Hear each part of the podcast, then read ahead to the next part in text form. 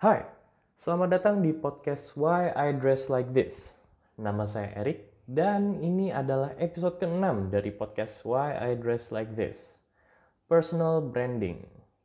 Udah sampai episode ke-6 tapi saya belum sempet-sempetnya ngebahas tentang personal branding. Padahal kayaknya ini adalah salah satu alasan yang bisa dibilang cukup penting juga buat saya. Akhirnya bisa dibahas juga di episode kali ini. Dan kalau gitu langsung bahas aja, nggak perlu lama-lama. Personal branding atau membranding diri sendiri. Kalau kalian udah dengerin episode-episode sebelumnya sih pasti udah tahu. Salah satu hal yang saya bilang kalau berpenampilan atau berpakaian bisa mengirimkan pesan atau image ke orang lain. Kemudian orang lain itu akan menerima pesan atau image yang kita sampaikan sehingga orang itu menilai kita dari apa yang dia lihat. Dan ya, pesan atau image yang kita sampaikan itu juga bisa bisa jadi salah satu bagaimana kita membranding diri kita sendiri sehingga orang jadi tahu atau kenal kita dari branding itu. Misalnya saya jadi dikenal karena berpakaian seperti ini, kayak bapak-bapak atau apa pun itulah. Branding itu sebenarnya mungkin emang lebih sering dipakai di situasi, ekosituasi sih di lingkup marketing atau mungkin bisnis kali ya. Tujuannya adalah untuk membuat orang lain notice akan produk kita dan kemudian ya produk kita jadi laku gitu. Kalau kita lagi ngomongin brand, bisa pakaian, bisa barang, bisa makanan, apa pun itu, pastinya kita mau untuk produk kita itu laku dan semakin dikenal sehingga produk kita ya bisa dibeli dan mendapatkan keuntungan untuk kedua belah pihak ya dari kita yang punya brand dan orang lain yang apa ya menikmati brand kita eh produk kita gitu. Itu kalau barang. Kalau misalkan kita ngomongin tentang manusia sebenarnya nggak jauh-jauh dari situ sih nggak jauh beda. Kita pastinya punya keinginan untuk diri kita supaya laku. Ini maksudnya laku bukan laku yang gimana ya yang terus punya pacar atau gimana tapi anggaplah supaya kita dinotis dalam lingkungan sosial gitu sehingga mungkin mendatangkan peluang-peluang baik lainnya. Tapi kalau misalnya supaya dapat pacar gitu dinotis orang ya itu nggak apa-apa juga sih. Bisa juga digunakan. Kalau kalian menganggap bahwa penampilan itu nggak terlalu penting tetapi kualitas diri kita lebih penting ya itu nggak salah. Memang pada akhirnya orang akan menilai diri kita dari kualitas kita kita bisa uh, jadi orang yang pekerja keras, bekerja keras 7 per 24, atau belajar untuk mengembangkan diri supaya punya skill-skill lain gitu. Mungkin kita bisa dinotis dengan apa yang kita lakukan, tapi mungkin juga kita tidak dinotis karena skill atau sikap pekerja keras kita nggak kelihatan sama mereka. Apalagi kalau misalnya baru kenal. Orang pasti ada aja yang tetap menilai dari apa yang tampak, seperti dari penampilan kita salah satunya Ingat salah satunya ya, ada banyak hal lain seperti pembawaan diri, bahasa tubuh, dan lain-lain yang bisa langsung tampak dari kalau misalnya orang lihat kita. Kalau ibarat barang, ada yang kualitasnya bagus banget, tapi penampilannya mungkin kurang menarik, sehingga orang jadi ragu nih untuk beli. Nah, mereka jadinya cari yang penampilannya bagus, tapi ya kualitasnya sebenarnya average, karena dari penampilannya membuat mereka yakin gitu. Ya, macam orang-orang yang beli barang karena barangnya terlihat keren dan meyakinkan, padahal mungkin kualitas barangnya biasa aja atau mungkin jelek gitu. Banyak tuh barang-barang yang kayak gitu.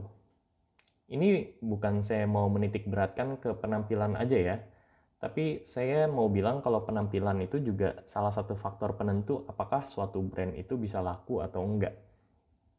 Jadi kalau dikaitkan dengan manusia, kualitas kita memang menjadi suatu hal yang penting. Tapi penampilan juga nggak kalah penting untuk orang-orang yang mungkin lebih lihat dari penampilan tadi. Ingat kan tentang halo effect? Orang bisa termanipulasi kok dengan penampilan kita. Tapi ingat ya, nggak ada yang lebih penting dari kualitas dalam diri atau penampilan. Dua-duanya penting untuk dimiliki.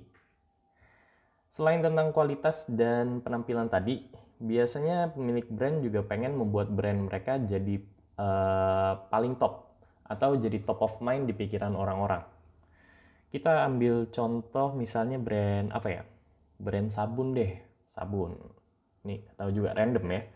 kan ada banyak tuh merek sabun sehingga uh, sabun-sabun itu ya mereka punya banyak saingan karena brandnya banyak kan para brand itu pasti berlomba-lomba untuk membuat kalau orang mikir tentang sabun orang itu langsung terpikir brand mereka supaya uh, anggapannya orang-orang itu kalau misalnya mau beli sabun oh langsung beli merek yang ini. Dan bisa juga bahkan kalau misalnya promosiin ke orang-orang lain juga kayak beli sabun merek ini aja. Jadi ya makin laku. Kayak oke okay, pakai contoh lain. Contohnya aja deh kita sebut merek ya. Uh, merek air mineral pasti banyak masyarakat Indonesia yang langsung mikir aqua tuh kalau misalnya uh, sebut merek air mineral ke mana-mana kalau mau pesen air mineral pasti ngomongnya aqua uh, pesen aqua ya Padahal bisa aja di tempat itu air mineralnya merek lain. Tapi si toko juga cuek gitu, pelayannya cuek kayak oke okay, Aqua. Ngasihnya merek lain karena nggak ada Aqua. Dan si yang mesen itu juga nggak apa-apa datangnya merek lain karena tadi tuh dia ngomong Aqua ya maksudnya air mineral gitu. Lucu sih, tapi itu contoh dari brand top of mind ya. Oke, sekarang kalau kita ngomong tentang manusia lagi, ya Siapa sih yang nggak mau laku atau dicari-cari orang karena kualitasnya? Ini tapi jangan sampai kalian salah paham akan konteksnya ya.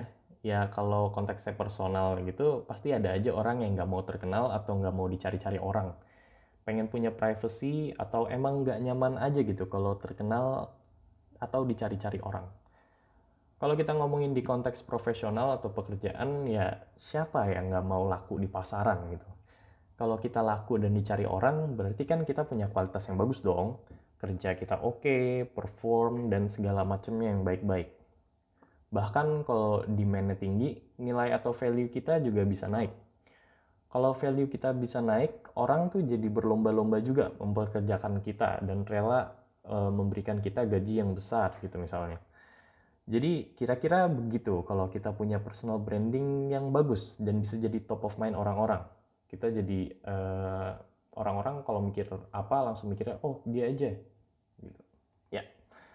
Sebenarnya ada berbagai cara juga supaya kita bisa jadi top of mind di orang-orang salah satunya dengan cara statistik bagi kalian yang nggak suka dengan data atau angka pasti langsung males dengerinnya tapi tenang aja saya di sini akan gunain statistiknya sedikit aja kok dan mencoba menjelaskan lebih sederhana sederhana mungkin sehingga lebih mudah dipahami. Saya emang orangnya angka dan data banget sih, jadi kalau bahas yang kayak gini-ginian tuh seneng. Di statistik itu ada yang namanya kurva normal. Kurva normal kalau kalian tahu itu bentuknya kayak gunung. Eh, uh, bell aja deh, karena sering ada istilah bell shape curve. Kalian bisa juga sambil search di Google kalau misalnya nggak tahu Lalu bentuk kurva normal seperti bell itu ya karena di bagian tengahnya itu tinggi dan menggunung gitu. Bagian yang tinggi pada apsis Y kalau uh, apa sih? Kalau apsis Y itu vertikal ya. Di vertikal itu biasanya uh, melihat jumlah data. Jadi yang tengah itu yang menggunung uh, itu tinggi karena ada banyak data di situ. Sedangkan bagian kiri dan kanan Eh, dari kurvanya itu dia melandai. Itu adalah bagian di mana datanya sedikit pada absis Y tadi. Nah, pada absis, absis X, yaitu bagian kiri dan kanan yang horizontalnya, eh, karena itu absis X, dia biasanya sih pakai negatif dan positif ya aja gitu. Nah, jadi kalau misalnya kiri itu negatif, kalau kanan itu positif. Kalau dijadiin apa ya? Kita sekarang ambil contoh tadi, sabun. Sabun deh. Distribusi normal dari sabun. Semakin kiri itu semakin negatif sabunnya. Negatif itu bisa dipersepsikan ya kualitasnya jelek atau hal-hal lain yang jelek-jelek deh. Kalau semakin ke kanan, semakin positif sabunnya. Kualitasnya jadi bagus gitu. Atau hal-hal positif lainnya. Di statistik itu ada term yang namanya adalah outlier Nah, outlier ini adalah data yang ada di bukan data sih, sebenarnya bagian bagian ujung-ujung dan itu jadi ada data-data yang uh, di ujung-ujung kalau misalnya di ujung kiri berarti uh, negatifnya negatif banget dan kanan itu positif banget. Dan outlier itu biasanya benar-benar sangat berbeda gitu. Jadi uh, dia berbeda dengan kebanyakan sabun. Kalau misalnya kita pakai contoh sabun gitu ya. Dia berbeda dengan sabun-sabun biasa yang ada di tengah-tengah dari kurva tadi. Karena datanya banyak yaitu sabun-sabun biasa yang ya average lah. Kalau outlier itu yang jeleknya jelek banget, yang bagus bagus banget. Nah, outlier itu bisa juga jadi top of mind orang-orang karena mereka sangat berbeda dari yang lain tadi. Pada kurva normal juga, bagian ujung-ujungnya itu kan landai. Itu menandakan bahwa data di ujung-ujung itu cuma ada sedikit. Jadi sedikit juga nih brand sabunnya. Mau brand sabun yang paling jelek atau yang paling bagus tadi. Makanya gampang diingat orang. Karena ya emang sedikit gitu sabun yang bagus banget dan sabun yang jelek banget. Jadi menjadi outlier atau berbeda dari yang lain itu adalah salah satu cara untuk bisa jadi top of mind orang-orang. Ya, untuk bilang gitu aja pembahasannya cukup sulit ya. Semoga aja kalian bisa nangkep. Saya juga agak susah sih jelas nih. Cuma ya keren sih kalau misalnya pakai statistik. Bukan saya merasa keren ya, cuma ya penjelasan dengan statistik itu cukup keren menurut saya. Ngomong-ngomong soal outlier, saya pernah baca buku judulnya Outlier. Penulis saya itu Malcolm Gladwell. Itu recommended banget. Isinya tentang cerita orang-orang yang berada di posisi outlier atau beda dari kebanyakan orang sehingga mereka bisa diuntungkan dan sehingga sukses. Lalu salah satu alasan saya berpakaian seperti ini ya untuk membuat diri saya menjadi ada di posisi outlier sih, di mana saya akan berbeda dengan orang-orang lain supaya jadi top of mind gitu. Tentunya di outlier kanan ya yang bagus-bagus lah masa yang jelek sih. Dan dengan itu ya iya saya jadi bisa dengan mudah uh, di top of mind orang-orang. Dan kalau misalnya mikir Erik oh yang itu atau orang itu oh itu itu Erik kayak di kampus misalnya saya pernah diceritain sama teman saya ada mahasiswa fakultas lain yang nanya ke dia tentang anak psikologi yang rapi banget penampilannya. Kemudian teman saya nggak langsung uh, kok nggak langsung sih? Ya nggak perlu ngapa-ngap nggak perlu nyari-nyari dulu nanya-nanya siapa. Tapi langsung kepikiran oh itu pasti Erik deh karena siapa lagi? Ya. Terus juga saya dipanggil karena penampilan saya ini seperti bapak-bapak saya punya panggilan yaitu Bapak Erik.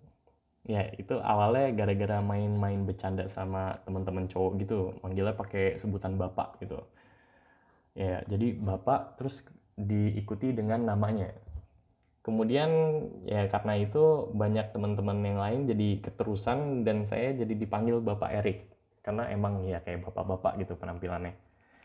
Agak aneh sih tapi ya udahlah itu branding kan lucu juga kalau udah berusia nanti terus ketemu teman kampus terus jadi nostalgia karena kayak sebutan tadi eh bapak Erik terus kayak ya terasosiasi memori lain yang dulu di kampus gitu. Selain itu dulu saya juga sering jadi MC gitu di kampus kayak acara-acara fakultas. Itu karena saya awalnya mikir ya udah tinggal ngomong doang terus nanti dapat honor atau paling enggak makan siang lah dan juga belajar ngomong di depan banyak orang. Sebisa mungkin kalau misalnya saya nge-MC itu pakai pakaiannya yang proper ya. Jadi ya rapi lah dan enak dipandang. Nah itu tempat di mana saya bisa berpakaian rapi lah dan nggak terlihat aneh kalau misalnya sehari-hari di kampus itu aneh banget. Tapi kalau misalnya MC ya saya bisa pakai jas dan lain-lain pakai dasi. Ya awalnya itu dari fakultas. Tiba-tiba naik ke level universitas karena saya dinotis dengan pakaian saya ya, kalau lagi nge-MC gitu. Dan akhirnya saya sering banget kalau ada acara apa-apa di univ pasti saya langsung dihubungin dan diminta untuk jadi MC. Ya lumayan sih honornya. Kalau nggak dapat honor, paling nggak makan siang. Saya juga pernah sampai di refer ke fakultas lain dari universitas karena ada fakultas lain ngadain acara formal gitu. Terus saya sampai disuruh uh, jadi MC, terus disuruh ikut rapat ya. Dan orang yang refer saya itu ngomong ke uh, dekan dari fakultas tersebut kalau saya nggak perlu diragukan lagi meskipun masih mahasiswa. Oke okay lah dia ya itu lumayan sih ya saya dipercaya dan dipromosiin juga ke orang lain kalau saya tuh oke okay.